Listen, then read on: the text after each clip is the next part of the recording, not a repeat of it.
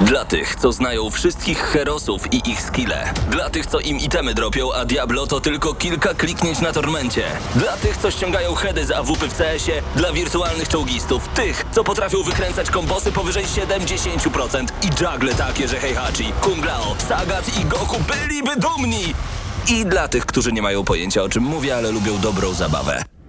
Dla tych, co klikają i tych, co dzierżą pada, co na klawiaturach, joystickach i innych kontrolerach grają w gry wideo. Ta audycja jest dla Ciebie. Gramy na maksa w każdy wtorek o 21.00 tylko w Radiu Free.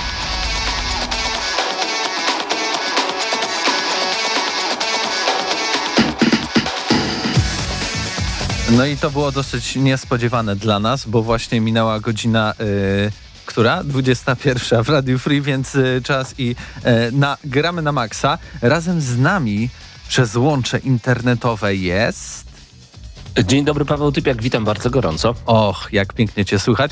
A w studiu fizycznie tu obok mnie też siedzi. Jaki Paweł? Stachyra. No i Paweł Stachyra, a przed mikrofonem Mateusz Widut, a za nami realizuje nas na YouTubie e, Mateusz Zdanowicz, który w dzisiejszej audycji Gramy na Maxa zrecenzuje no, wyczekiwany przez fanów od dziesiątek tysięcy lat tytuł zwany Final Fantasy VII Remake Part One i nie wiem, czy jeszcze ma kilka innych podtytułów, ale wcale bym się nie zdziwił. Ale zanim to wszystko nastąpi e, na antenie Radia Free, to e, porozmawiamy również o tym, co się działo ostatnio w branży gier wideo, a e, zaczyna się dziać coraz więcej. E, ponieważ w ramach chyba Summer Game Fest, bo, bo to tak się nazywało, prawda, Pawle? Tak. Summer, Summer Game Fest to jest to, co organizuje Steam. Nie, nie, nie. Czy... Bo ty czego teraz szukasz konkretnie? Ta, ta nazwa imp Aha, serii imprez. Serii różnych imprez, tak? Tak. I ona się e, nazywa ona Summer Game Fest. Tak, ona, ona, no, dobra. no to mam e, rację, proszę bardzo. Okay. Tak czy inaczej, odbyły się już pierwsze konferencje, w tym konferencja a tak naprawdę Inside Xbox od Microsoftu, dlatego też od pierwszych minut razem z wami Paweł Typiak. Pawle, czy ci się podobało, nie czy też nie? Wiecie co, y, ja dlatego dałem takiego sugestywnego posta na naszym Facebooku, nie dlatego, żeby pokłócić się z graczami, ale y, siadłem sobie na spokojnie, nie oczekując niczego przed telewizorem, obejrzałem sobie na mikserze akurat, w sensie na, na platformie mikser, nie, że wiecie o co chodzi. Teraz to e, już obejrzałem różnie może być, wiesz? No, niektórzy no oglądają prawda. na lodówkach telewizję, więc się wcale prawda, bym nie zdziwił. To prawda. Więc na mikserze w telewizorze obejrzałem sobie e, prezentację, nie spodziewając się niczego i, i byłem taki podniecony to może przesada, ale po zakończeniu powiedziałem wow, dostałem fajne zapowiedzi kilkunastu gier. Wchodzę w internet, żeby zobaczyć, jakie są reakcje, żeby dowiedzieć się trochę więcej. I nagle, wiecie, w oczy uderzyły mnie tytuły na zasadzie, na przykład na Spider-Swebie to w ogóle było Mistrzostwo Świata, bo e, jeden autor napisał, że e, zobaczyliśmy 13 nowych gier, wow, powalające, super, fantastyczne i w następnym newsie ten sam autor pisze, że prezentacja Microsoftu to kosmiczna porażka i pomyłka. I, I ja się zastanawiam, moment, moment, czy oglądaliśmy to samo? Dostałem 13 nowych zapowiedzi, 13 fantastycznych, być może jeszcze, tego nie wiem, ale 13 takich, wiesz, podgrzewających trailerów, podgrzewających atmosferę przed premierą nowych konsol i nieważne, kto by to pokazał, czy Nintendo by to pokazało, czy Microsoft, czy Sony, no to idziemy w kierunku jakichś nowości, idziemy w kierunku kolejnej generacji, więc tak naprawdę każda nowa odsłona powoduje, że uśmiechamy się, jest nam przyjemniej graczom. A nagle dostaję, wiesz, prosto w twarz twarz informacją, że beznadziejne, Microsoft nie ma gier, co oni pokazali, y, znowu nie będą mieli ekskluzywów, są beznadziejni, Sony wygrywa generację. Ja sobie myślałem, może święty, Dobra. co tu się stało? Dlaczego takie, dlaczego takie reakcje? 13 nowych gier pokazano. I potem Paweł, rzeczywiście... Paweł, czas zejść na ziemię. Czas zejść na ziemię. Zapowiedzi były. Bo odlatujesz troszeczkę. Dlaczego? Dlaczego? po pierwsze, nie pokazano żadnej nowej gry. Może, no, może jedna czy dwie były nowe, ale większość z nich to już wcześniej widzieliśmy. Po drugie, e, w tej sytuacji e, po, mówisz, że podchodziłeś bez oczekiwań i to jest największy problem.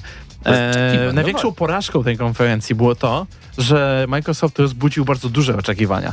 To, że ty podchodziłeś bez oczekiwań, no to już e, prywatna No sprawa. właśnie, dlatego chciałem, E, chciałem tylko dojść do ale- tego, że potem e, dowiedziałem się, że podobno Microsoft powiedział, że będą gameplaye e, z Xbox Series X i rzeczywiście można było się zawieść, no bo tych gameplayów nie było. To można rozumiem, było. jak najbardziej. I teraz tak, No bo tak. Microsoft, Microsoft ma strasznie dziwną strategię promowania swojej konsoli, bo raz, że e, już rozmawialiśmy o tym chyba tydzień czy dwa temu, że oni mają 10 różnych konsol tam w planach, e, różne warianty, nikt nic nie wie właściwie jak która działa. E, z drugiej strony e, jakby nie, nie wiemy za bardzo o tym, jak, jak e, e, kiedy to będzie wydane. No, generalnie jest dużo, dużo problemów w komunikacji, jeżeli chodzi o tą nową konsolę. A teraz oni dodatkowo rozbijają swój pokaz na E3, takie E3, jakie mamy w tym roku, na dwa, dwie oddzielne części. Teraz pokazują e, third party gry, gdzie taki przeciętny Kowalski, który e, z, usłyszał o tym, że jest ta konferencja, tak? E, wchodzi na nią, liczy, zobaczy, wiesz, tam Halo, te wszystkie rzeczy. Zobaczy też oczywiście e, gry, mm, które nie należą do Microsoftu, więc te third party. I liczy, że to wszystko mu się pokaże i nagle widzi, no, widzi tam 10 indyków, trzy takie prawie indyki, no i asasyna, nie? I, i, i, I co taka osoba ma sobie pomyśleć w zasadzie? Gdzie są, powiem, gdzie są te gry, już które mówię. widział, które chciał Ale zobaczyć? już ci, mówię, już ci mówię, co ma y, myśleć sobie taka osoba, bo ja, ja podszedłem do tego tematu jak Kowalski typowy, bo poza Assassin's Creed Valhalla nie słyszałem wcześniej o żadnej z wyżej wymienionych gier, no i Madden 21.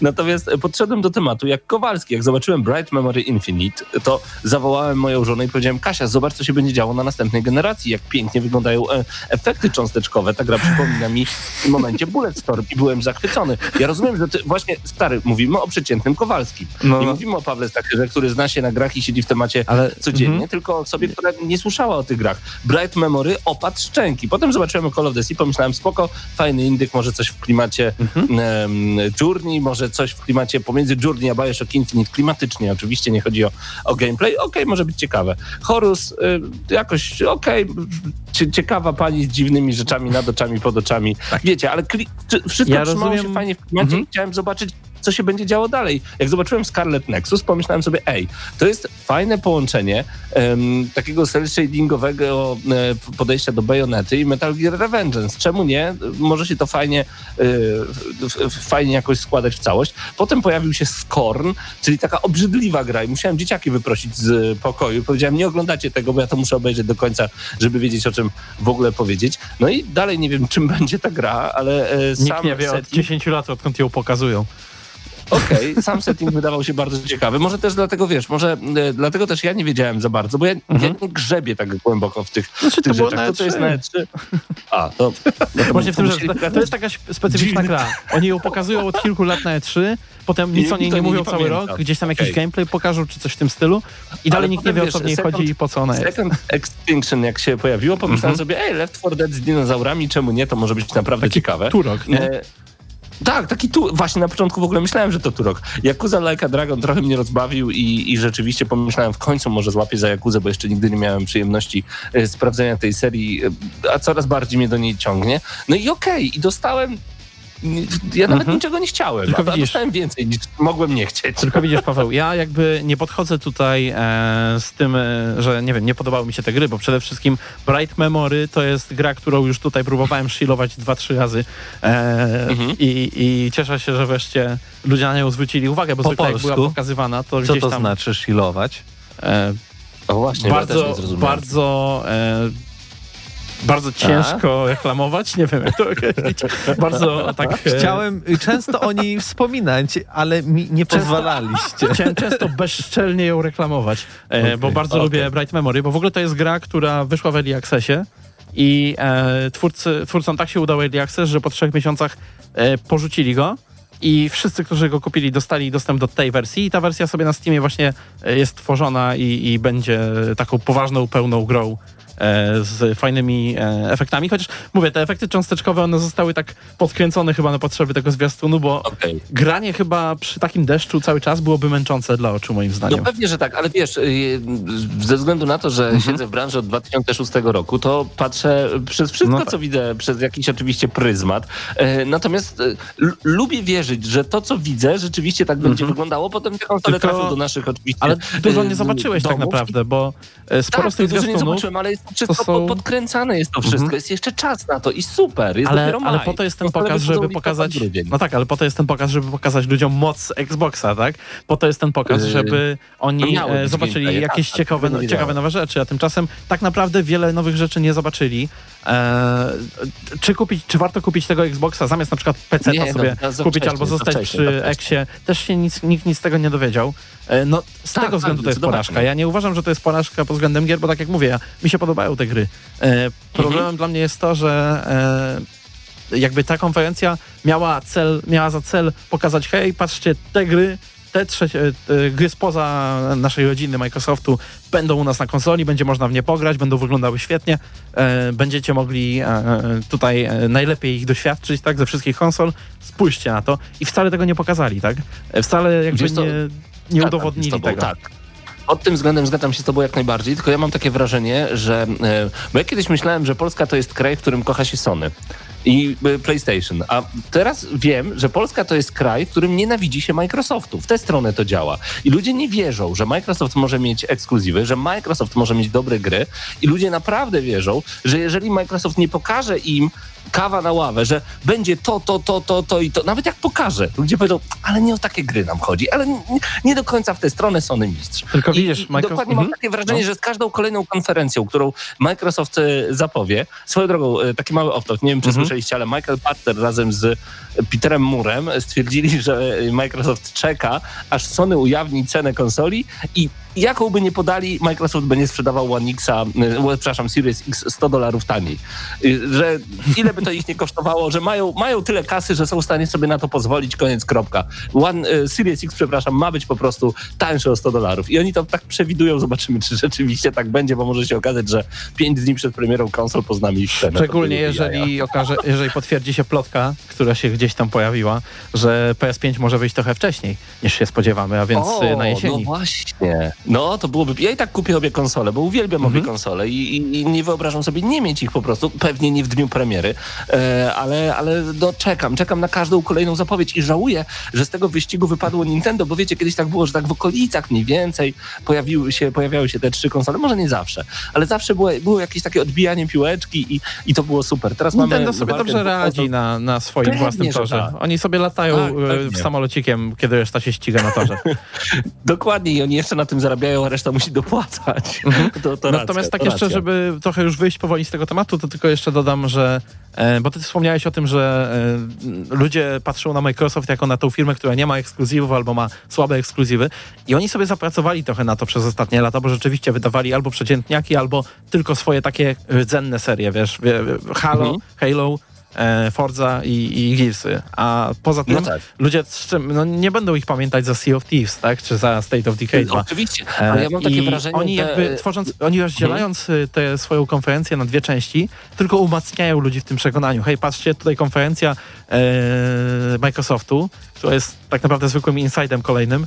E, Tak. I co? Nie ma żadnego exa, exa, tak? Więc e, Ale właśnie, wiesz, y, fakt, że my mówimy na to konferencja, to był pokaz po prostu, prawda? Te tak, ale skojarzenia niektóre są. Wiesz, bo to jest to Skojarzenia, zastępstwo E3. oczywiście. Ale w ogóle niesamowite są te komentarze y, ludzi, którzy na przykład mówią, że jakie ekskluzywy ma Microsoft, znowu będzie Halo, Gearsy i Forza, a po tym pokazie mówią zaraz, a gdzie Halo, Gearsy i Forza? No tak, no zobaczymy jeszcze. Ja czekam, czekam, bo chcę zobaczyć, e, co te studia, które Microsoft sobie powykupywał rok temu, e, Tak. pichcą. E, Dokładnie, skąd się, skąd się bierze ta taka e, wiara? Pamiętajcie, drodzy gracze, że jeżeli tak naprawdę będziemy mieli jednego lidera cały czas, to to jest najgorzej dla nas. I to jest, to, to, bo jeżeli mamy zdrową konkurencję, to oni będą walczyć o wasze portfele różnego rodzaju atrakcjami pod tytułem Game Pass Gold, y, y, PlayStation Plus i tak dalej. No, atrakcje, gdzie musimy płacić za grę przez internet. E, No ale rzeczywiście no, różnego rodzaju usługami będą walczyć, dobrymi grami muszą walczyć, bo my głosujemy, portfelami po prostu, więc, więc y, im lepsza konkurencja, tym lepiej dla nas i aby ona była jak najlepsza. Teraz sobie wyobraziłem Pawła Typiaka jako e, kapłana Microsoftu, taki, e, taki preacher e, stoi sobie w szatach Microsoftu i głosi słowo, słowo Z zielonym logo. Z zielonym logo. No, dobra. To, Ale, ale zapomnieliście Ale. o jednej najważniejszej produkcji, która miała mieć taki wielki reveal, czyli takie ujawnienie tego, jak rozgrywka będzie wyglądać. Piszcie nam na czacie, bo cały czas jesteśmy na YouTubie, na GNM Crew. E, piszcie nam, e, jak podobał wam się gameplay z Assassin's Creed Valhalla.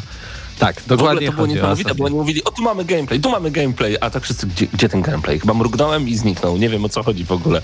Ciężko było cokolwiek tam zobaczyć, jeżeli chodzi o gameplay, no ale dobra, no. No, W bo, ogóle macie panowie jakiś hype odnośnie tego nowego Asasyna, bo to jest bardzo fajny setting, jeżeli chodzi o ustawienie tej gry właśnie w e, epoce wikingów. To mi się bardzo podoba. E, natomiast, e, no właśnie, jakie są wasze oczekiwania co do tej gry? ja od zawsze chciałem, jakby, żeby seria Assassin's Creed trafiła właśnie y, do takiego, no, powiedzmy, uniwersum, po prostu, żeby w mitologii nordyckiej się rozgrywała, bo sądzę, że tam jest właśnie dużo takich możliwości, żeby fajnie wykorzystać tą mechanikę, a także i, i tą taką historię poplątaną, która trochę jest z przyszłości, a kto, która też nas właśnie odnosi do takich historycznych e, wydarzeń. Tak więc y, tutaj jakby widzę potencjał sukcesu, ale y, patrząc na te kolejne odsłony, które rok po roku się pojawiały, coraz bardziej widzieliśmy, że jednak y, fajnie mamy Assassin's Creed'a y, w, w starożytnej Grecji, w starożytnym e, e, Egipcie, tak, ale tak naprawdę nic z tego nie wynikało. Bardziej to były takie otwarte gry, w których mieliśmy mnóstwo takich zadań, w których musieliśmy coś przynieść, nie miały za bardzo kontekstu jakiegoś takiego właśnie historycznego.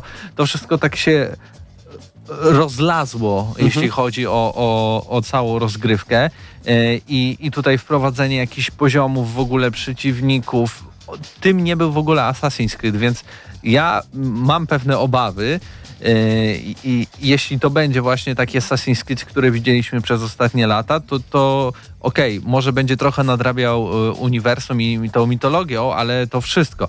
Ale też mam nadzieję, jako że nadchodzi nowa generacja konsol i tu jest potencjał do pewnych zmian e, i sam Ubisoft widać powoli chyba dociera do niego tak naprawdę, że hej, nasze gry w sumie to są takie same, bo ten Far Cry to też jest taki Assassin's Creed, bo też mamy duże mapy, w których też robimy różne dziwne rzeczy niezwiązane historią. Mamy też Tommy Clancy Ghost Recon, który działa dosłownie tak samo, czy tam y, ostatni zresztą Breakpoint i mamy Watch Dogsy. Watch Dogsy, które też są dużym otwartym światem, w których jest dużo różnych pierdołowatych, e, e, niegrzecznie mówiąc, e, e, misji, Mhm. które nic nie, nie wnoszą do, do samej rozgrywki czy do głównej fabuły, ale myślę, że właśnie Ubisoft powoli widzi ten problem i widzi skąd te takie dosyć mieszane e, komentarze od samych graczy, ale także i analityków branży, dziennikarzy.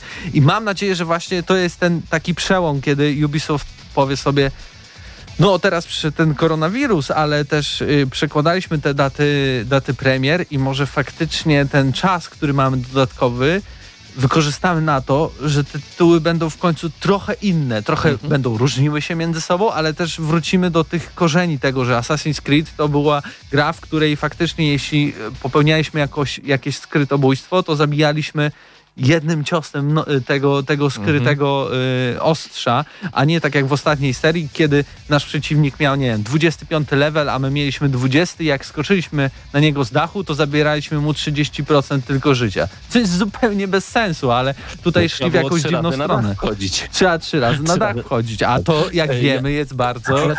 To znaczy, że liczysz, że generalnie Assassin wróci do swoich korzeni. Mam nadzieję. nie szedł, ale na pewno po tym, e, jak rok temu wyszedł Breakpoint i Ubisoft e, bardzo ostro dostał finansowo po e, dolnej, dolnej części pleców.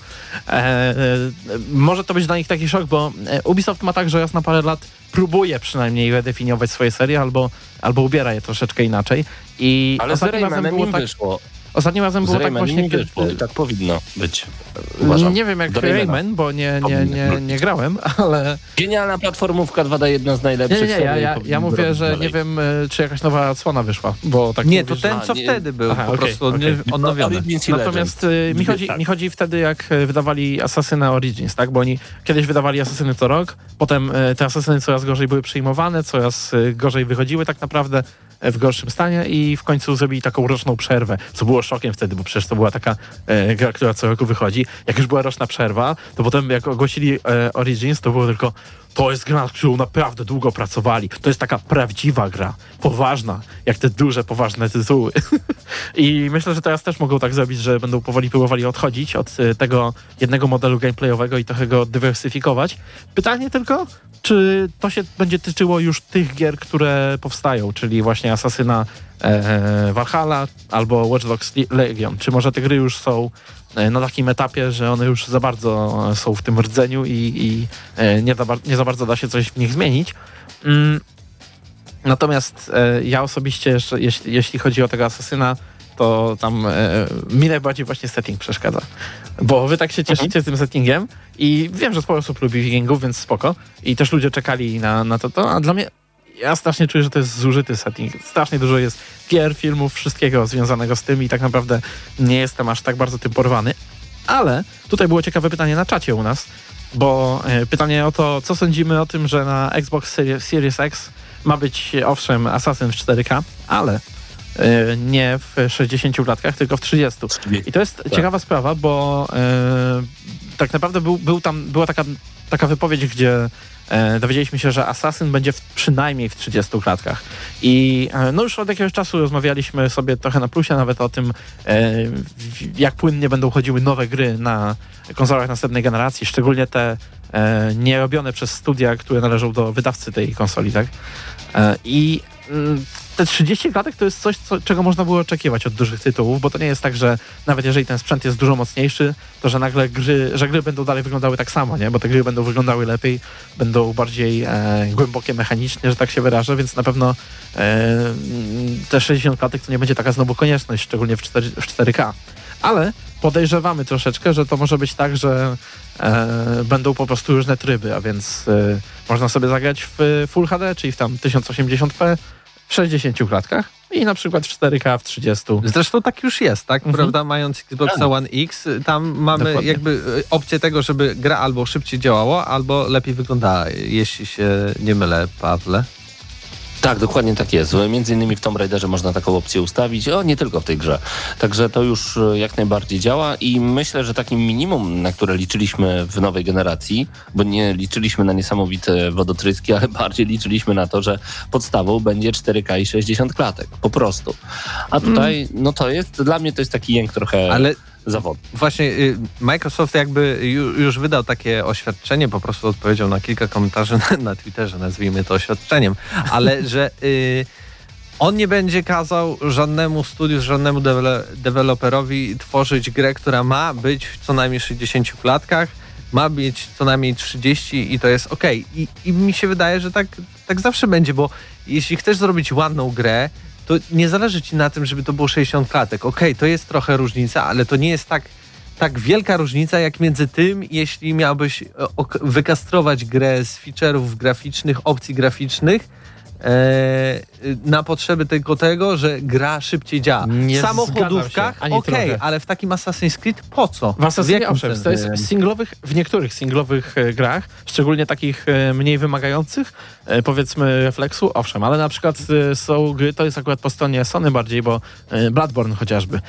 Ile bardziej Bloodborne byłby e, przyjemny, gdyby był w 60 klatkach? Gdybyśmy mogli dokładnie, e, płynnie e, wprowadzać te nasze ruchy i gdzieś tam wyczuwać to, się z jak gra Pawłem, działa. zdecydowanie, zdecydowanie. E, Ty, Tomb Raider czy Gearsy piątka w 60 klatkach, jeżeli masz do wyboru właśnie, e, ja przynajmniej, nie mam telewizora 4K, więc ten wybór może nie jest taki, znaczy dla mnie jest wręcz oczywisty, po prostu nie wybieram 4K, bo nie mam nad czym tego wyświetlić, ale 1080p i 60 klatek powoduje, że się tak przyjemnie w to gra, że potem przełączenie na 30 klatek daje przez chwilę, no trzeba się przyzwyczaić. I to nie trwa 3 minuty, minuty, 5 minut, to trwa naprawdę sporą chwilę. Masz nagle wrażenie, że gra jest jakaś taka pocięta, jak się przyzwyczaisz do tej fantastycznej płynności. Także jestem za tym, żeby wyglądały gorzej, a były bardziej płynne. Serio. E, No ale wiecie, nie wiem czy słyszeliście, ale na przykład Red Dead Redemption na PC dwójka odpalony w 120 klatkach sprawia, że nasz główny bohater ciągle jest głodny, bo szybciej płynie czas, więc ja bym nie powiedział, że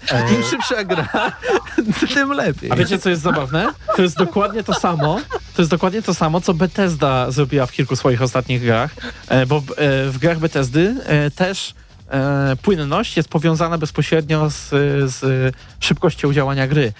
Do tego Wow. stopnia, że w Falloutie 4 i w 76 e, gracze na przykład celowo patrzyli w ziemię, tak żeby było jak naj, najwięcej klatek, tak? I w ten sposób poruszali się z super szybkością, dopóki tego nie spaczowano. Wow. Także e, to jest, to jest akurat częste w niektórych grach, bo szczególnie grach, które są tworzone pod konsolę, bo na konsoli masz te 30 czy 60 klatek i nie zastanawiasz się za bardzo, jak to działa e, poza tą barierą, a potem przechodzi na PC-ta, zapominasz, że gra jest złożona jak jest i nagle bam, latasz w Panowie, kosmos. No właśnie, panowie, ja bym chciał y, taką petycję założyć, bo to jeszcze nie jest potwierdzone. Podobno, podobno y, Activision Blizzard y, już dostało te informacje, Boże, brzmi jak aż dziennik, bo to trochę taka informacja. E, Natomiast ym, pierwszym bossem w pierwszym akcie Diablo 4 ma być ostry cień mgły. O proszę. O, ma- Myślicie, że to się może udać? Myślimy- Zakładaj Paweł, zakładaj. Petycja online. Myślę, A że wiecie, wiecie, że, wiecie, że, Przecież to brzmi jak postać z Diablo. wiecie, że jest szansa, mgły. wiecie, że jest szansa, że członek naszej redakcji zostanie wyzwany do tego challenge'u Hot 16? Może tak być. E, nawet gdzieś tam już widziałem pytania skierowane do jednego z naszych kolegów redakcyjnych i on odpowiedział na Twitterze, pewnie zrobiłbym to. Kur... Nie chcę Ja zdradzać czekam kto, ale to jest jedyna osoba z nas, która ma duży following na Twitterze. jeśli Ja macie Twittera, nasz, ja. Nasz najsłynniejszy. ten, co lubi. FIFA, dobra. E, Panowie, ale y, tak zupełnie serio, czy nie macie wrażenia, że w ogóle Hot 16 Challenge Andrzeja Dudy nawiązuje do pewnej gry ulubionej Silent przez Polaków? W jakiej grze był bezimienny? Kogo nie pyta się o imię? O, Zaraz Czyżby Polska miała sponsorować remake Gotika? no, myślę, że trochę sponsoruje. W sumie tak, no.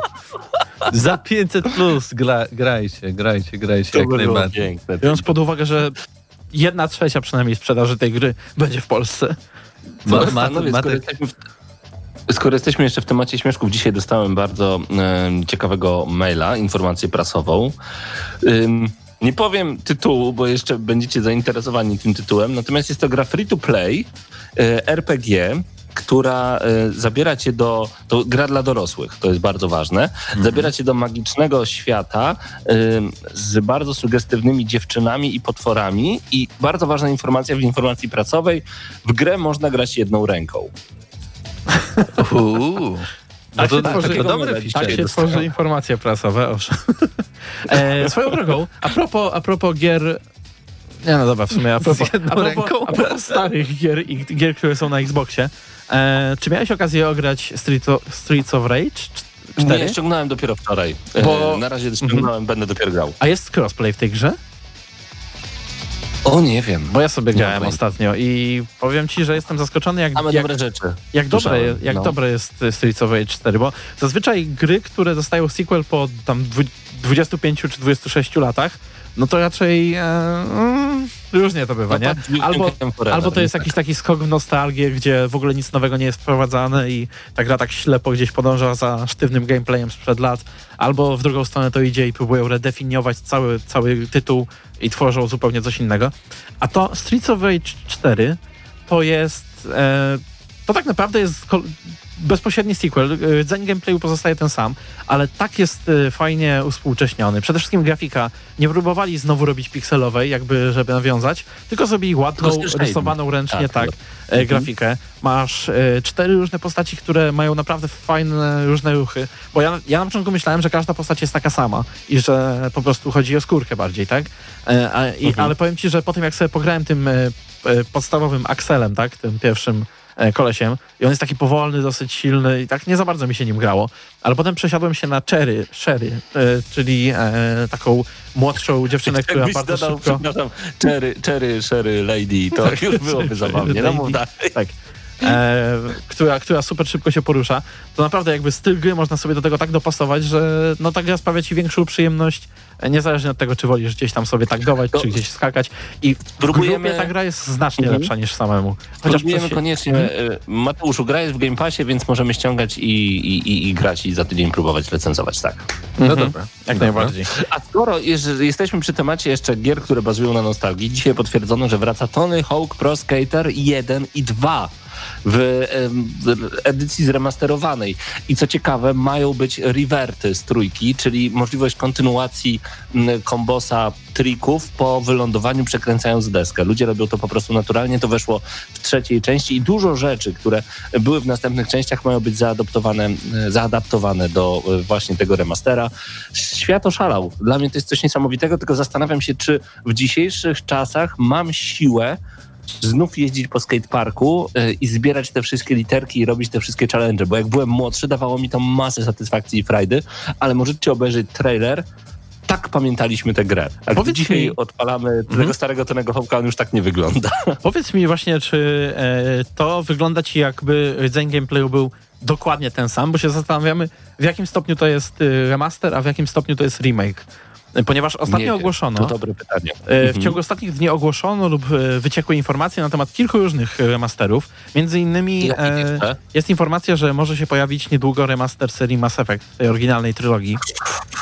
Bosko by to było. no, pozwoliłoby to zagrać na, pewnie na nowych konsolach, na PC-tach też w odświeżonej wersji, chociaż mody robią to już, więc e, ale, ale e, to też, to też ustaliliśmy tak naprawdę, że w sumie mm, sukces tego, albo jak, jak, jak ekscytująca jest to wiadomość, zależy od tego, jak e, bardzo zmieniony będzie gameplay, tak? Bo te gry zasługują na nowszy silnik i na e, pewne zmiany w mechanice, szczególnie walki.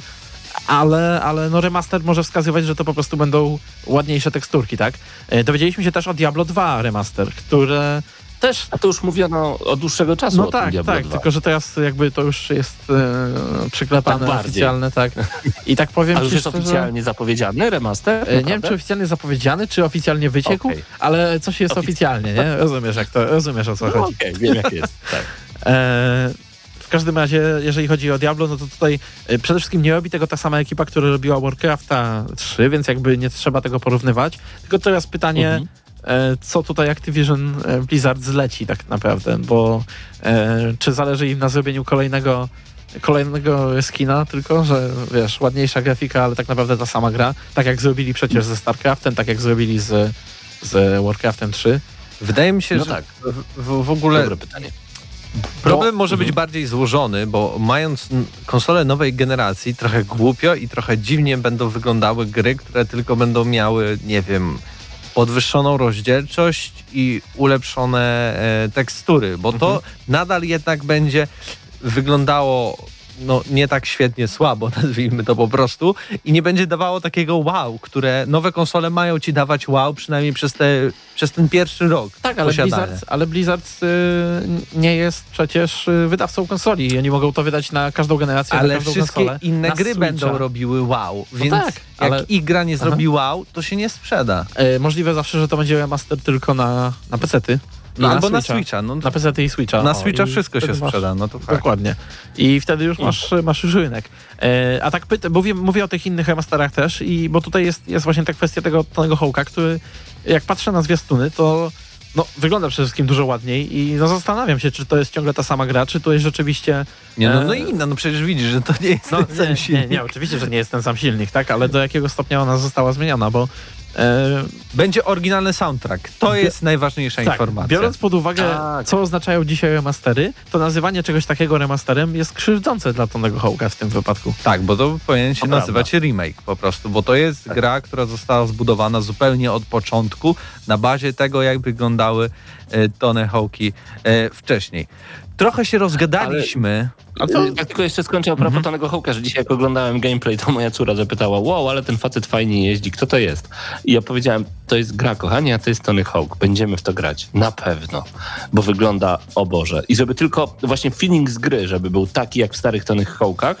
Y, Natomiast to chyba Tony Hawk powiedział, że będzie właśnie ten revert ze względu na to, że ludzie automatycznie biorąc pada do ręki i testując e, ten remaster, powiedzmy na razie remaster, nie remake, y, automatycznie próbowali robić właśnie ten revert, więc e, tak naprawdę on będzie czerpał dużo z przyszłych serii, które się dopiero pojawiły. Oby nie za wiele, bo ja lubiłem grać konkretnym zawodnikiem, a nie tak, że musiałem być sobą i siebie tworzyć jako proskatera. Ostatni dobry Tony Hawk to Project 8. Kto nie grał, niech spróbuje. To stara, świetna gra. Swoją drogą tak tylko wspomnę, e, tego, ten remaster cały tworzyć ma ta sama ekipa właśnie Tonego Hawka, co ma tworzyć też Diablo rzekomo, Vicarious e, Visions. A wcześniej robili między Czyli innymi mamy Spire, tego nowego Crasha Mhm. e, Czyli mamy i, i Custom że na koniec, na koniec Mhm. szkoły będziemy zbierać literki ostry cień mgły. No dobra. Dokładnie. Tak, dokładnie. A na koniec chciałbym ci zrobić zagadkę, Pawle. E, tylko muszę Dawaj, się poz... któremu? Czekaj. no, no, no tobie, Pawle Typiaku, tylko muszę się Okej, poz... okej, okej. Po, pozbyć podkładu i musisz mi powiedzieć, o nie, tutaj wyłączyłem jeszcze program, to bardzo źle. E, sekundka. I musisz mi powiedzieć, jaki to, jaki to jest dźwięk y, jakiej konsoli ekranu startowego, proszę bardzo.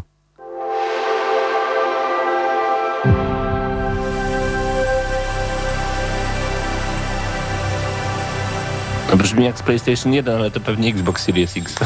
Dokładnie tak. Dokładnie. To pierwsza i druga część odpowiedzi były poprawne. Y, Okej.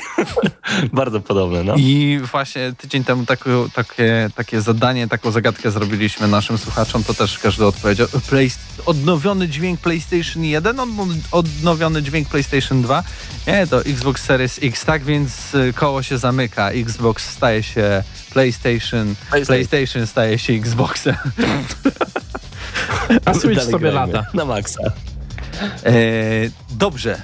To był bardzo, bardzo długi bardzo obszerny e, dział newsshotowy, no ale był Inside Xbox, tak więc musieliśmy poświęcić trochę więcej czasu niż zazwyczaj na to, żeby omówić, omówić tą kwestię i te Wreszcie wszystkie newsy gry, były. które, które nadchodzą. Newsy wreszcie były i zakładam, że przez najbliższe tygodnie, a nawet miesiące te newsy ciągle będą się pojawiać, bo co tydzień jakaś nowa konferencja, Bo co te- tydzień zapowiadane jakieś kolejne gry. Bo de facto mamy trzy jednak. lipiec. I, tak, Ubisoft już na lipiec zapowiedział kolejną jakąś tam prezentację, także Tak, Dużo Ubisoft, Ubisoft ma w lipcu, się jaram. 12 chyba lipca, tak? Tak. E, natomiast w, w czerwcu, tak naprawdę od 6 do e, 12 będziemy mieli, e, tak jak byłoby 3, to, to będziemy mieli chyba z 6 czy 7 różnych, e, nazwijmy to imprez. E, między innymi jedną ciekawą organizowaną przez właśnie dużych, e, bardziej indyczych wydawców albo twórców, więc no, jestem ciekaw, zobaczymy jak to wyjdzie. Nie przeciągajmy. nie przeciągamy, czy jeszcze wspomnimy o popie? Prince of Persia? No Prince of Persia prakty- praktycznie będzie. Wspomnij, jakie masz podejrzenia i skąd, dlaczego sądzisz, że wyjdzie? Bo zarejestrowano domenę Pri- Prince of Persia 6.com i także wyciekł jakimś dziwnym trafem e, zapis z rozgrywki prototypowego Prince of Persia z 2008 roku, który rywalizował z Assassin's Creedem pierwszym i przegrał tą rywalizację, dlatego od tej pory praktycznie nie zobaczyliśmy żadnego nowego Prince of Persia, ale wszystko wskazuje na to, że właśnie tego 12 lipca poznamy kolejną część i chyba, chyba wszyscy czekają na to bardzo chętnie. Tak. A, i The Sims Potem- 4 otrzyma Mhm. drabiny. Za darmo. Do daru. Do zewnątrz i wewnątrz będzie można używać. Nikt nie pyta cię o imię, a ty dajesz drabinę. Dokładnie tak. I to był News Shot, z nami był Paweł Typiak, a my teraz szybko myk, myk, cyk, cyk, puszczamy muzyczkę i robimy recenzję Final Fantasy VII.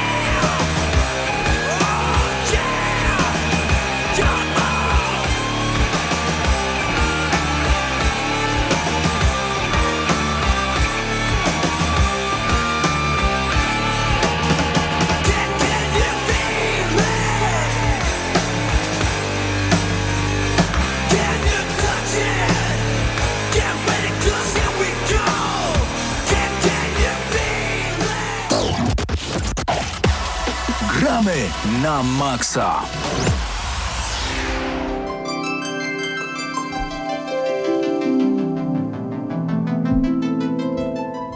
Wgramy na maksa czas na recenzję Final Fantasy VII e, Remake. Co już słychać, tak. Co już słychać, tak, w tle. Razem Piękna ze mną w muzyka. studiu Mateusz, Mateusz Zdanowicz, Zdanowicz, dzień dobry. Dobry który wieczór. będzie e, recenzował W końcu przyszedłem, tak, w końcu przyszedłem Final Fantasy VII Remake po 35 godzinach z kawałkiem.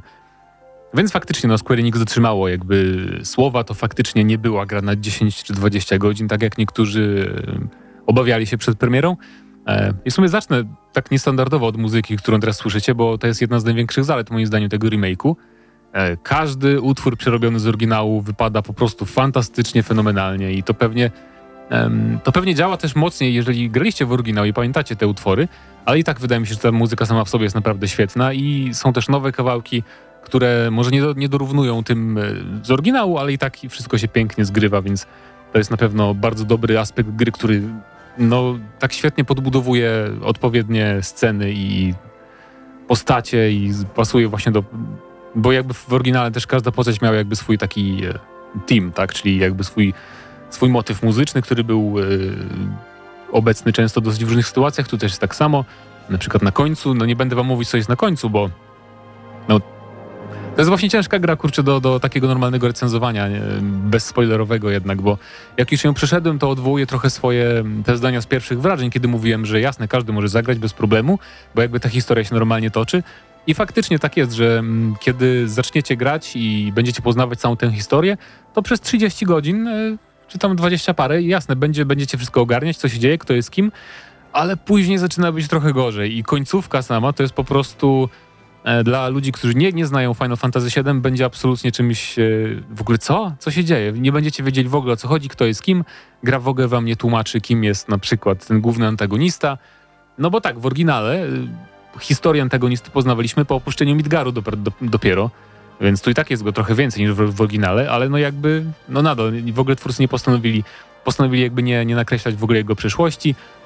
E, Nie, nie wytłumaczono w ogóle, kim jest e, Genowa, czyli taki jakby powiedzmy no potwór, który jest tam przytrzymywany, e, kosmita, no, który jest przytrzymywany w laboratorium tej korporacji Shinra, więc no to, to może być problematyczne jednak dla... Pytanie tylko, czy to zostało zrobione z premedytacją, w sensie, że kiedy wyjdzie part 2, część druga remake'u Final Fantasy VII, to to jakby nabierze jakiejś pewnej całości, jeśli w ogóle ten, ta Na druga pewno. część się pojawi i po jakimś czasie, bo na remake 7 trochę musieliśmy, musieliśmy czekać, ale czy z drugiej strony to nie było pójście na taką łatwiznę, bo pamiętajmy, że no, badań jest wiele, ale jednak gracze nie przechodzą gier i to w bardzo dużej No większości. to w sumie może nie muszę się przejmować o końcówkę, bo nie dojdą do końcówki większość graczy, tak? No, 80% graczy w ogóle nie, nie skończy tej, tej gry, jak nie kończy y, całej reszty. No, no końcówka jest ewidentnie robiona pod fanów oryginału, nie? Bo tam e, zakończenie jest takie, e, że w tym w drugiej części tego remake'u tak naprawdę Square Enix może zrobić wszystko. Takie jest to zakończenie. Powiedzmy, że jest otwarte. Czyli mogą zrobić tak naprawdę to, co było w oryginale, bardzo wiernie i pewnie tak zrobią, ale do tego dobudują właśnie różne elementy e, związane z, ze spoilerami, o których nie mogę mówić. Więc mi się to bardzo podoba, bo ja w ogóle uważam, że remake'i powinny być takie, bo dzięki temu jakby e, historia w tej grze potrafiła mnie zaskoczyć momentami, nie? bo to nie było po prostu wierne odwzorowanie jeden do jednego oryginału, które byłoby też bardzo dobre, ale nie byłoby tak jakby emocjonujące właśnie, jeżeli chodzi o poznawanie historii. A tutaj można się na przykład zastanawiać, e, co tak naprawdę kon- kombinuje i czy to jest na pewno ten sam, który był w oryginale, czy może nie. Jeżeli- Jeżeli kojarzycie ogólnie Final 7 i Advent Children, ten film, który nie był może zbyt dobry, ale tam rozbudował jego postać, to no, twórcy tu dużo polecieli właśnie w takie kierunki teorii spiskowych, które teraz już są w internecie bardzo rozbudowane. Ale tak, w ogóle zacznijmy od tego, że Final Fantasy VII, Final Fantasy VII e, to jest JRPG, to jest historia organizacji. No, Nasz bohater Cloud jest byłym żołnierzem, takim z sił specjalnych powiedzmy. Shinry, czyli Shinra to jest jednocześnie korporacja, która zarządza miastem Midgar i ma siłę, własne wojsko ma i zarządza wydobywaniem takiej energii powiedzmy życiowej z planety. I Cloud jest byłym najemnikiem, byłym żołnierzem e, i dołącza do organizacji ekoterrorystów. E, To są nasi przyjaciele i zaczyna się gra od tego, że chcemy wysadzać reaktory tak zwanej właśnie energii Mako, czyli tej energii planety, którą Shinra wysysa i nie, nie zwracając uwagi na to, że planeta umiera. więc mamy aspekt y, ponad czas, jakby na- tamte czasy to nie było jakby takie chyba zbyt popularne, żeby tak uderzać w tę- w tą ekologię jeszcze, więc to jest, tak samo się ta gra zaczyna i powoli właśnie Cloud poznaje tych e, nowych swoich znajomych i zawiązują coraz mocniejsze więzi i chcą właśnie pokonać, jakby zlikwidować tę korporację, czy tam mocno im napsuć krwi. I powoli poznajemy tę historię i mm, są wbudowane też elementy, których w ogóle nie było w oryginale, są całe rozdziały, które podbudowują nam e, postacie, które miały tylko takie małe role w oryginalnej części. Rozgrywka jest, rozgrywka przypomina trochę taką połączenie gry akcji takiej w stylu Devil May Cry troszeczkę, ale z takim właśnie taktycznym zacięciem. I, czyli wyobraźcie sobie, jeżeli może graliście w Final Fantasy XV, to to jest podobne, tylko troszkę bardziej taktyczne, bo tutaj trzeba o wiele bardziej uważać. Mamy przede wszystkim więcej opcji ataków do wyboru niż w 15, mamy, e, mamy więcej ekwipunku, ogólnie mamy trochę no, bardziej rozbudowany ten system, więc to akurat mi się podobało. Trzeba uważać, e, jakich umiejętności używamy, bo oczywiście wrogowie mają różne tam słabe, mocne punkty i tak dalej, i tak dalej. E, I jest też bardzo mocno związany z systemem walki rozwój broni, bo mamy całe drzewka talentów broni. E, Broni jest naprawdę mnóstwo, co jest fajne, bo też e, zdobywamy bardzo dużo e, mieczy dla Clouda, czy tam lasek dla Erif, czy, czy karabinów dla, dla które dopiero w oryginale zdobywaliśmy w ogóle. Tam, niektóre na końcu gry nawet, więc to fajnie, że twórcy dali tutaj bardzo dużo tych takich em, elementów po prostu ekwipunku, które w oryginale były dopiero o wiele później zdobywane, to jest spoko. I o wiele więcej też zdobywamy materii, czyli to jest taki system ulepszeń, takie no, magiczne kamienie, które wkładamy do ekwipunku, żeby dawały tam różne cechy specjalne i ten system materii jest bardzo rozbudowany też i też e, dzięki niemu walka nabiera e, też innego wymiaru, bo możemy sobie bardzo dzięki nim modyfikować tam to, co mogą robić nasze postacie. Taki mo- no, minimum specjalizacji możemy tak naprawdę bohaterom dawać. Gra jest bardzo liniowa i to jest dla mnie zaleta, przy czym ja bardzo jestem e, uprzedzony ostatnio do otwartych światów. Ja bardzo lubię liniowe gry, natomiast wiem, że niektórym to na pewno będzie przeszkadzać, bo ona jest no, momentami strasznie liniowa. W sensie normalnie masz taki mały korytarzyk, metr po prostu No szerokości właśnie miałem tyle, pytać, czy ona jest bardzo liniowa, bo tak prowadzi cię fabuła i tak nie? Nie, nie w tym sensie. Znaczy, przykuwa, to też. przykuwa do tego, czy też jest liniowa, bo po prostu Bo masz Cały dosłownie świat- linię, tak, masz linię na tak mapce zbudowany. dosłownie, taką wąziutki taki korytarzyk, tak jest tak, że yy, i, i oczywiście siłą rzeczy też fabuła nas prowadzi, bo e, są lokacje po prostu, mm, są lokacje trochę szersze oczywiście, na przykład masz miasteczko takie, po którym sobie możesz łazić w miarę i tam wychodzisz z niego, żeby robić questy poboczne w okolicy, ale no są po prostu misje, gdzie masz korytarz. Normalny korytarz taki staromodny, gdzie już w dzisiejszych czasach tak, tak liniowych lokacji nawet nie ma w innych grach.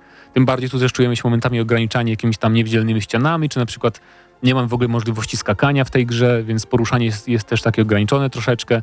E, I technicznie ta gra też momentami widać, że była robiona bardzo długo, no bo na przykład y, to, co widać w tle, jakby poza lokacją, czyli takie, to się nazywa chyba profesjonalnie skyboxy, tak, że widzimy coś, co jest bardzo daleko w tle niby, to to ewidentnie wygląda jak po prostu, nawet jak wyjęty rodem z PlayStation 1, więc jak na przykład jesteśmy nad miastem w pewnej misji i patrzymy na miasto z dołu, to jest taka chamsko po prostu, wiesz, taka tapeta po prostu i to w takiej rozpikselowanej jakości, więc no momentami widać, że ta gra jest troszeczkę już, niektóre elementy graficzne są przestarzałe jak na ten rok, aczkolwiek mi to bardzo nie przeszkadzało, no chociaż pewnie niektórym się rzu- rzuci w oczy. Najważniejsze, że, że działa płynnie w 30 klatkach, co jest jakby osiągnięciem na podstawowym PS4 moim zdaniem już, bo walka jest naprawdę efektowna, szczególnie jak tam zaczniemy używać wszystkich czarów i, i umiejętności specjalnych, więc to jest na pewno na plus. Em, fenomenalne są walki z bossami, wszystkie chyba. Bossów w tej grze jest, teraz nie chcę skłamać, ale wydaje mi się, że 25 chyba mamy walk z bossami, e, nie licząc opcjonalnych, więc wynik jest naprawdę świetny. Bardzo mi się spodobało takie podejście Square Enix, że wzięli niektórych bossów, który, którzy w oryginale byli takimi żartami trochę, czy zupełnie pobocznymi takimi e, dla bardziej easter eggami wrzuconymi do gry. Teraz w oryginale są e, w głównej linii fabularnej jako bossowie. No to też nie, nie mogę spoilować, bo to naprawdę zask- zask- zaskakujące momentami z czym i z kim walczymy w tej grze. Więc e, każda praktycznie walka z bossem jest, jest świetnie zrealizowana. Są różne fazy, są cutscenki też w trakcie tych walk. No i tak naprawdę każda postać też jest odzorowana moim zdaniem świetnie, jeżeli chodzi o oryginał, bo wiadomo, w oryginale nie mieliśmy dubbingu, nie? W ogóle był tylko tekst, więc to było wyzwanie trochę nadać tym postaciom charakteru teraz z dubbingiem i e, moim zdaniem udało się to bardzo, bardzo dobrze, mimo że te postacie niektóre są strasznie stereotypowe, a nawet nie dzisiejsze, na przykład Barret jest takim typowym, em, jak się nazywał ten z drużyny A, ten czarnoskóry. E, Mr. T. tak, taki wiesz, no taki typowy był taki w latach 90. stereotyp e, czarnoskórego, nie? Bohatera filmów akcji. To jest właśnie taki typowy on. E, I no ale mimo wszystko mi się bardzo spodobało, jak, jak, jak e, Tifa jest fenomenalna, Erif jest świetnie zrobiona e, i te postacie poboczne też są Cloud przede wszystkim, czyli główny bohater jest moim zdaniem bardzo, bardzo dobrze zagrany i to, co się z nim dzieje i to jego takie flashbacki, które tam ma w czasie gry też jest bardzo fajnie poprowadzone. I właśnie ja trochę jestem nieobiektywny, no bo ja bardzo lubiłem Final Fantasy VII, mimo że szóstkę bardziej lubię jako całość, to siódemkę bardzo, bardzo dobrze wspominam, e, więc mi tak nie przeszkadzały te techniczne rzeczy na przykład. Wiem, że niektórym bardziej przeszkadzają, to trzeba uprzedzić was, że mogą was zaboleć i ta liniowość też na przykład, ale ogółem rzecz biorąc naprawdę e, bardzo, bardzo mocno polecam Final Fantasy VII Remake. I i Paweł, chce mi coś powiedzieć. A, no to, to I jest te- sumie... ta, ta, tajemniczy głos Tak. tak. z zakatu. Tajemniczy głos. Wspomnij, że nie trzeba grać Tak. w inne części. No to jest w sumie ciekawe, ja nigdy o tym nie myślę, nie? Jak się, jak się gada o finalach, e, ale no tak, nie musicie grać w poprzedniej części, czyli Final Fantasy 1, 2, 3, 4, 5, 6, e, bo to jest taka seria, jeżeli ktoś z was jakimś cudem nie wie, mm, czy można to z jakąś serią porównać? Są chyba takie serie, które też są jakby różne, oddzielne zupełnie. No nie wiem, ta Hmm. seria jest bez sensu. Na przykład e, Tak. The Elder Scrolls. Masz 1, 2, 3, 4, 5, 6, nie? 6 jeszcze nie ma, ale No. też są jakby zupełnie Okej. praktycznie niepołączone. Jest ten sam świat niby, ale to zupełnie... Więc nie musicie, zupełnie to się nie łączy z innymi Final Fantasy. Chociaż... Nie no, łączy się troszeczkę, dlatego mówię, że to, to jest trochę bez sensu, jeśli chodzi o, o samą e, w sobie numerację, ale to, co chciałbym cię, cię zapytać, Mhm. to czy oni trochę nie przesadzili, że czy, ta, czy ta, ten part one nie jest trochę za, za długi, trochę nie za dużo tutaj wsadzono względem tej, tej pierwotnej, oryginalnej y, serii, czy, czy tego po prostu tutaj nie ma takiej trochę przesady w tym O, wszystkim? jest, jest przesada i to jest do, dobrze mi przypomniałeś, bo bym ominął w sumie i największą wadę tej gry, i to, to jest jedyna rzecz, która mi przeszkadza, mój tak te techniczne sprawy już przymykam oko, bo to jest mniejsza o, o, o, o te rzeczy, natomiast nie podobały mi się questy poboczne w tej grze. Na szczęście jest ich mało, bo tak naprawdę mamy trzy rozdziały na 18 rozdziałów, w których musimy zrobić trochę questów pobocznych i one są nudne. Wiesz, to jest idź tam, zabij przeciwnika i nie wiem, tutaj przejdź do tamtej lokacji, przynieś mi jakiś przedmiot i jest strasznie dużo latania w tą i z powrotem w tych questach pobocznych, a szybką podróż odblokowujemy dopiero no, praktycznie pod koniec gry, więc to też jest trochę bolesne. E, więc tak, ewidentnie questy poboczne, mimo że jest tam też pa- parę, parę fajnych walk z bossami, to e, side questy to jest gra, która ewidentnie miała, to jest ewidentnie aspekt, który miał trochę właśnie rozciągnąć tę grę, ale nadal no to jest tak jakby sumować, to może 5 godzin tych questów pobocznych na 30. Więc tu cutscenki przede wszystkim, wiesz, to, to japońska gra, więc oczywiście muszą być cutscenki, które trwają bardzo długo. E, Ale nie wydaje mi się, nie czułem ani, ani razu, nie czułem, że, że jakby główna fabuła i jakby historia jest rozciągana na siłę, że cały czas miałem wrażenie, że to spokojnie jest jakby naturalne rozwinięcie tego, co było w oryginale.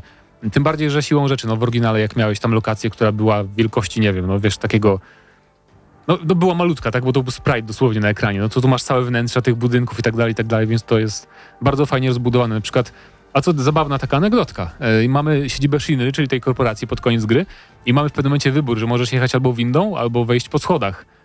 E, No to ja sobie pomyślałem, no to wejdziemy sobie po schodach, nie? Przecież to na pewno będzie jakaś cutscenka, że tam się znajdę na górze, a tu nie. Przez 10 minut musisz, musisz iść na piechotę przez 59 pięter, więc, ale to, to w sumie jedyna taka sytuacja e, dosyć, dosyć Miejmy nadzieję, że to był taki, taki, taki właśnie żart, a nie dlatego, że pomyśleli, E, tak, a, tak, nie, nie. ten. To był żart, bo też tam y, to był taki moment, żeby też postacie sobie porozmawiały o śmiesznych rzeczach.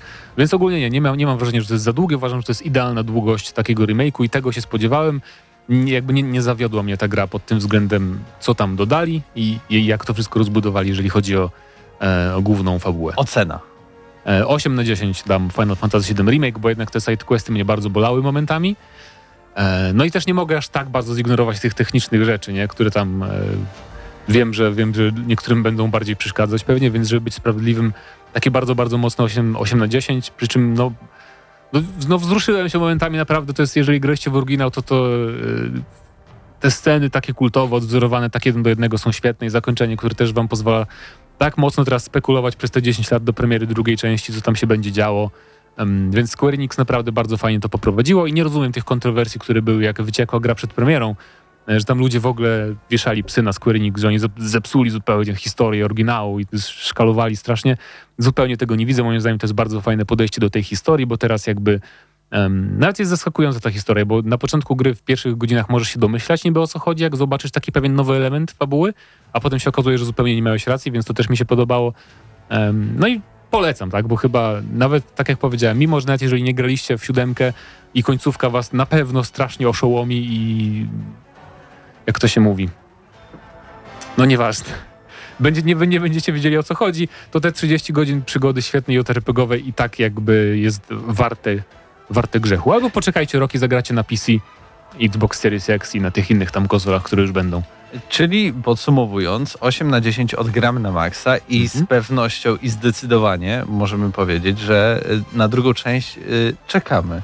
No bardzo, mam bardzo. nadzieję, że dożyję tylko. No, miejmy też taką nadzieję, że po pierwsze y, dożyjesz, a po drugie, że to nie będzie trwało bardzo długo, tylko faktycznie to już będzie w takim mm, rytmie za 3 lata, za 2 lata. To nie? też mam nadzieję. To jest, to jest problem właśnie, że, że Final Fantasy VII oryginał po Midgarze, po tym mieście, on się robi praktycznie otwarty taki strasznie. To jest sandbox praktycznie taki, więc ni- strasznie jestem ciekaw, jak oni to teraz zrobią, bo to będzie trudniejsze na pewno. Ale jeżeli graliście na przykład Final Fantasy XII, e, to tam w sumie już mieliśmy takie mm, to była taka struktura świata, że to były takie jakby huby. Mieliśmy takie w miarę spore lokacje tam, y, w których się rozgrywały kolejne rozdziały, to mogą w tę, w tę stronę pójść chyba, bo nie wierzę, że zrobią z tego zupełnie open world jak Final Fantasy XV, bo to by się nie chciałbym, żeby tak było na pewno, bo jednak oni, ta gra udowadnia, że Square Enix robi najlepsze finale, kiedy one są liniowe jednak, więc nie muszą być zupełnie korytarzami takimi jak ta gra, ale niech nie pójdą w otwarty świat znowu, bo to nie wyjdzie nikomu na dobre. Tak więc to nasz był apel do Square Enix. 8 na 10 odgram na maksa dla Final Fantasy VII Remake.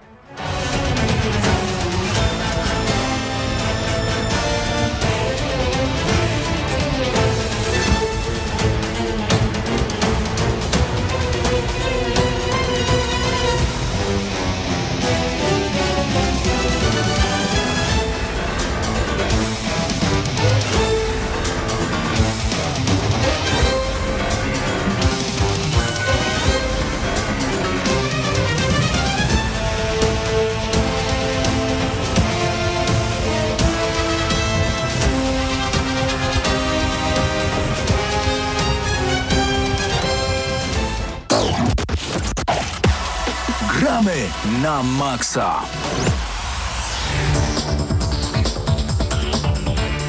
I jeszcze na sam koniec wróćmy do Tak, Gramy na. Maxa e, razem z Mateuszem i ciebie zapytam o twoje wrażenia z Inside Xbox. E, czy, czy jesteś tak pozytywnie nastawiony jak e, Paweł Typiak, czy tak pesymistycznie E. nastawiony jak Paweł Stachyra? Którym Pawłem jesteś Może- w dzisiejszej edycji? Jestem y, środkowym Pawłem, bo, Jesteś- bo ja jakby nie, nie, nie oczekiwałem zbyt wiele, bo Microsoft ma to do siebie, że oni już tak w przyszłości też tak niektóre swoje pokazy hypowali tak trochę zbyt, zbyt mocno, więc wiedziałem, że to na pewno nie będzie dużych gameplayów, więc jakby nie byłem rozczarowany, ale no nie ukrywam, że miałem nadzieję, że skoro zapowiadali, że mamy ten event, pokażemy jakie gry third party będą na Xboxie Series X, to miałem nadzieję, że tam będzie chociaż jedna taka gra AAA poza Asasynem pokazana, ujawniona, nie? A, tymczasem tak naprawdę, no, no dobra, Dirt 5 niby jest AAA, ale no mm, samochodówki nigdy jakby się nie liczą, jakby te zapowiedzi gier.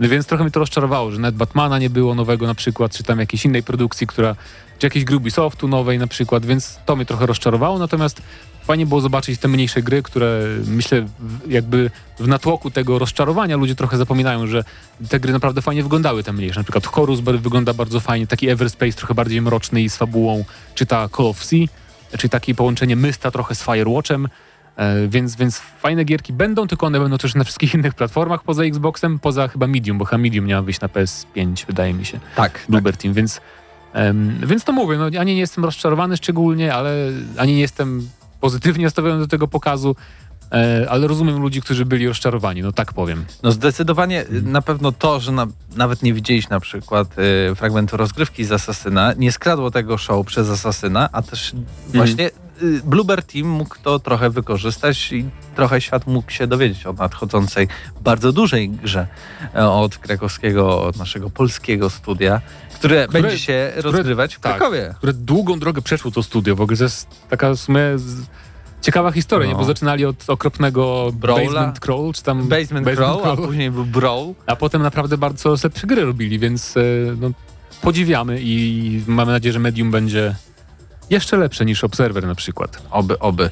E, Dobrze, to był kolejny odcinek audycji Gram na Maxa. Już chyba nawet jest po godzinie 22, więc e, musimy kończyć powolutku. W przyszłej audycji, czy mamy zaplanowaną jakąś recenzję?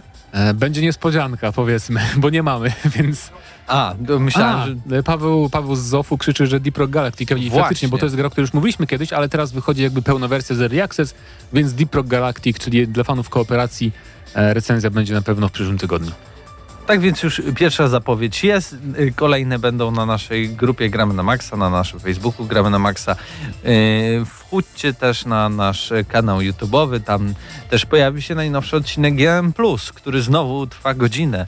No. I, I zachęcamy też tam do, do komentowania i odpowiadania na pytania odcinka.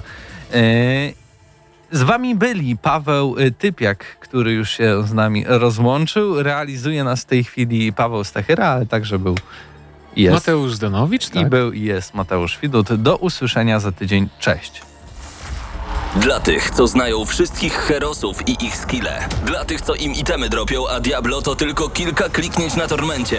Dla tych, co ściągają heady z AWP w CS-ie. Dla wirtualnych czołgistów. Tych, co potrafią wykręcać kombosy powyżej 70% i juggle takie, że Heihachi, Kung Lao, Sagat i Goku byliby dumni.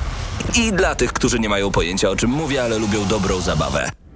Dla tych, co klikają i tych, co dzierżą pada, co na klawiaturach, joystickach i innych kontrolerach grają w gry wideo. Ta audycja jest dla ciebie. Gramy na Maxa w każdy wtorek o 21.00 tylko w Radiu Free.